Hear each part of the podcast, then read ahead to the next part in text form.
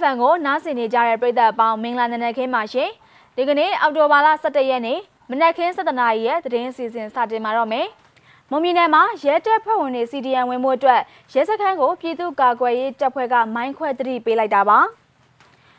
နိုဝင်ဘာလ1ရက်နေ့မှာစာတင်ကျောင်းတွေပြန်လည်ဖွင့်လှစ်ဖို့အတွက်အကြံဖက်စစ်ကောင်စီကစီစဉ်နေတဲ့သတင်းတွေပါဝင်တခြားစိတ်ဝင်စားဖွယ်ကောင်းတဲ့သတင်းတွေကိုတင်ဆက်ပြီးတော့မှာပါ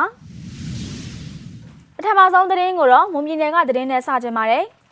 မွန်ပြည်နယ်ရေးမြို့မြောက်ပိုင်းကနှစ်ကရင်ရဲစခန်းကိုအော်တိုဘာလ9ရက်နေ့ညနေ9:25မိနစ်အချိန်ခန့်မှာဒေသကာကွယ်ရေးတပ်ဖွဲ့တွေဖြစ်တဲ့ရေးပြည်သူကာကွယ်ရေးတပ်ဖွဲ့ YPDF နဲ့တံပြူစရမြို့နယ်ပြည်သူ့ကာကွယ်ရေးတပ်ဖွဲ့ TPDF တို့ကပူးပေါင်းတိုက်ခိုက်ခဲ့တယ်လို့သိရတာပါ။ရဲတွေကိုစီဒီယံဝင်မှုတတိပေးတဲ့အနေနဲ့ချိန်ကိုက်ဖောက်ခွဲခဲ့တာပါ။နှစ်ကရင်ရဲစခန်းနောက်ဖက်ဝင်ပေါက်နားမှာဖောက်ခွဲခဲ့တာဖြစ်ပြီးတော့ချိန်ကိုက်မိုင်းတစ်လုံးနဲ့ပါပဲ။ အဲစခန်းကအရင်လာကလေးကစီဒီယံဝင်မှုဆက်သွယ်လာတာမျိုးတွေရှိတယ်။ဒါပေမဲ့အခုပြောင်းနေလို့တတိပေးတဲ့အနေနဲ့ပါလို့ရေးပြည်သူကာကွယ်ရေးတပ်ဖွဲ့ 1PDF ကပိုရန်နိုင်ကမြစည်းမသတင်းဌာနကိုပြောကြားခဲ့တာပါ။မိုင်းဖောက်ခွဲမှုအပြီးမှာနှစ်ကရင်ရဲစခန်းအရှိတ်ဘက်ချမ်းမှာရှိတဲ့ဖျားကုန်းရွာဘက်ကိုစစ်ကောင်စီတပ်တွေကလက်လက်ကြီးတွေနဲ့ပစ်ခတ်နေရလို့သိရတာပါ။အဲ့ဒီနှစ်ကရင်ရဲစခန်းကရဲတွေဟာပြီးခဲ့တဲ့တပတ်ခန့်ကပညာရေးစီရီယံဝင်တဲ့နှစ်ဦးကိုဖမ်းဆီးခဲ့ပြီးတော့ တအုပ်ကိုငွေကျပ်350နဲ့လာရွေးဖို့အတွက်ပြောခဲ့တယ်လို့သိရပါတယ်။ဒါပေမဲ့အဲ့ဒီကျင်းရွာမှာရှိတဲ့စစ်ကောင်စီတပ်တွေကိုးကွယ်တဲ့ဖုံးကြီးကရဲစခန်းကိုလာရောက်ညှိနှိုင်းပေးတဲ့အတွက်စီရီယံတွေကိုပြန်လွှတ်ပေးလိုက်တယ်လို့ဘိုးရနိုင်ကပြောကြားခဲ့တာပါ။ရေးမြို့နယ်အတွင်းမှာရှိတဲ့တုံးတက်ခွန်အမြောက်တက်ရင်ကဘိုးရဲနောင်ကိုလွန်ခဲ့တဲ့3လဝန်းကျင်ခန့်က YPDF ကတုတ်တင်နိုင်ခဲ့တယ်လို့လည်းသိရပါသေးတယ်ရှင်။အခုဆက်ပြီးတော့ကရင်ပြည်နယ်ကသတင်းကိုတင်ဆက်ပေးပါမယ်။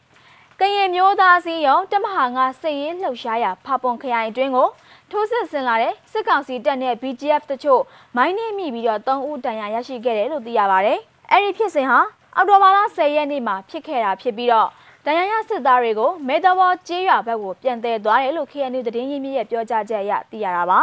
အကြမ်းဖက်စစ်ကောင်စီ ကရင်နယ်ကြားဆောင် BGF ပူးပေါင်းတပ်ဖွဲ့နဲ့ KNL တပ်မဟာ9တပ်မဟာ9ပူးပေါင်းတပ်ဖွဲ့တွေကြားမှာအော်တိုဘာလ9ရက်နေ့တရက်ထဲမှာပဲဒွဲလုံးမြို့နယ်အတွင်းမှာတကြိမ်မွေးထကျေးရွာအနီးမှာမွန်းလွဲတနာရီ20မိနစ်ကနေ6နာရီ40မိနစ်အတွင်း9ကြိမ်ထိတွေ့တိုက်ပွဲတွေဖြစ်ပွားခဲ့တာပါအဲ့ဒီဖြစ်ပွားခဲ့တဲ့တိုက်ပွဲတွေမှာ ကရင်မျိုးသားလွတ်မြောက်ရေးတပ်မတော် KNL ဘက်ကထိခိုက်ကြဆုံးမှုမရှိဘဲနဲ့စစ်ကောင်စီတပ်နဲ့ကရင်နယ်ကြားဆောင်တပ်ဘက်ကတအူးသေဆုံးပြီးတော့ခုနှစ်ဦးဒဏ်ရာရရှိခဲ့တယ်လို့ KNL သတင်းရင်းမြစ်ကထုတ်ပြန်ထားတာပါရှင်။အခုဆက်ပြီးတော့စကိုင်းတိုင်းကရွာတွေကိုအကြမ်းဖက်စစ်ကောင်စီတပ်တွေဝင်ရောက်စီးနင်းခဲ့တဲ့အကြောင်းကိုတင်ဆက်ပေးပါမယ်။စကိုင်းတိုင်းကမ်ဘလူမြို့နယ်ပုံနှကြီးကျေးရွာကိုမနေ့ကအောက်တိုဘာလ10ရက်နေ့မှာအကြမ်းဖက်စစ်ကောင်စီတပ်တွေဝင်ရောက်စီးနင်းခဲ့ပြီးတော့ ပြည်သူတွေရဲ့နေအိမ်တွေနဲ့အသုံးဆောင်ပစ္စည်းတွေကိုဖျက်ဆီးခဲ့က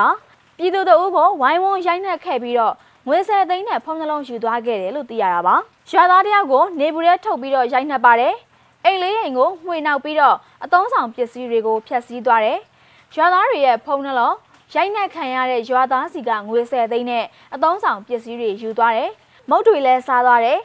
ရွာသားတွေကထွက်ပြေးသူပြေးနေအခုချိန်ရွာထဲမှာတော့လူရှိအောင်မဲ့ထင်တယ်လို့အဲ့ဒီကျေးရွာကထွက်ပြေးလာသူတို့ကပြောကြားခဲ့တာပါအဲ့ဒီကျန်းဖက်စစ်ကောင်စီတပ်ဖွဲ့တွေဟာချက်တင်းတိုက်နယ်အတွင်းမှာတက်ဆွဲထားတာဖြစ်ပြီးတော့နေ့စဉ်ကျေးရွာတွေကိုဝင်ရောက်စီးနင်းနေပြီးတော့ရွာထဲမှာရှိတဲ့ပြည်သူပိုင်ပစ္စည်းတွေကိုလူရက်နေတာဖြစ်ပြီးသူတို့စစ်ကြောင်းတွာလာနေတော့အိမ်ထဲကထွက်ကြည့်တဲ့သူတွေကိုပြစ်တက်မယ်လို့ချင်းချောက်ပြောဆိုမှုတွေရှိနေတယ်လို့ဒေသခံတွေရဲ့ပြောကြားချက်အရသိရတာပါရှင်။ ပညာရေးသတင်းဘက်မှာတော့အကျန်းဖက်စစ်ကောင်စီကစာတင်ကျောင်းတွေပြန်လည်ဖွင့်လှစ်နိုင်မှုအတွက်စီစဉ်နေတာပါပြီးခဲ့တဲ့ဇွန်လတရက်နေ့ကနေစပြီးတော့လေးလကြာပိတ်ထားခဲ့တဲ့အခြေခံပညာစာသင်ကျောင်းတွေကိုနိုဝင်ဘာလတရက်နေ့ကနေစပြီးပြန်လည်ဖွင့်လှစ်နိုင်ရေးကြိုတင်ပြင်ဆင်ထားဖို့အတွက်အကြမ်းဖက်စစ်ကောင်စီကစီစဉ်နေရလို့သိရတာပါ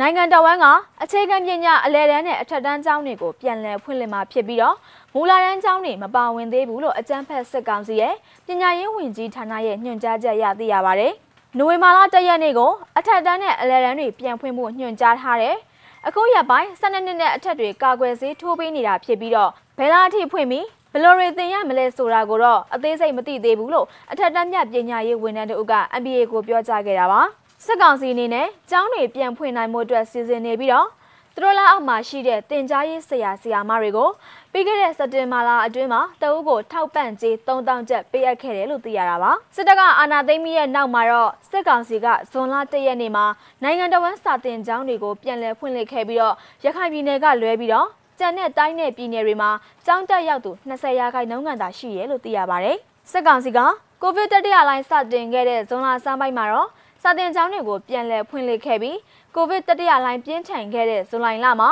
စာတင်ကျောင်းတွေပြန်ပိတ်ခဲ့ရမှာအောက်တိုဘာလ24ရက်နေ့ထိရှစ်ကြိမ်ခွဲပြီးတော့စာတင်ကျောင်းတွေပိတ်ထားတာပဲဖြစ်ပါတယ်ရှင်။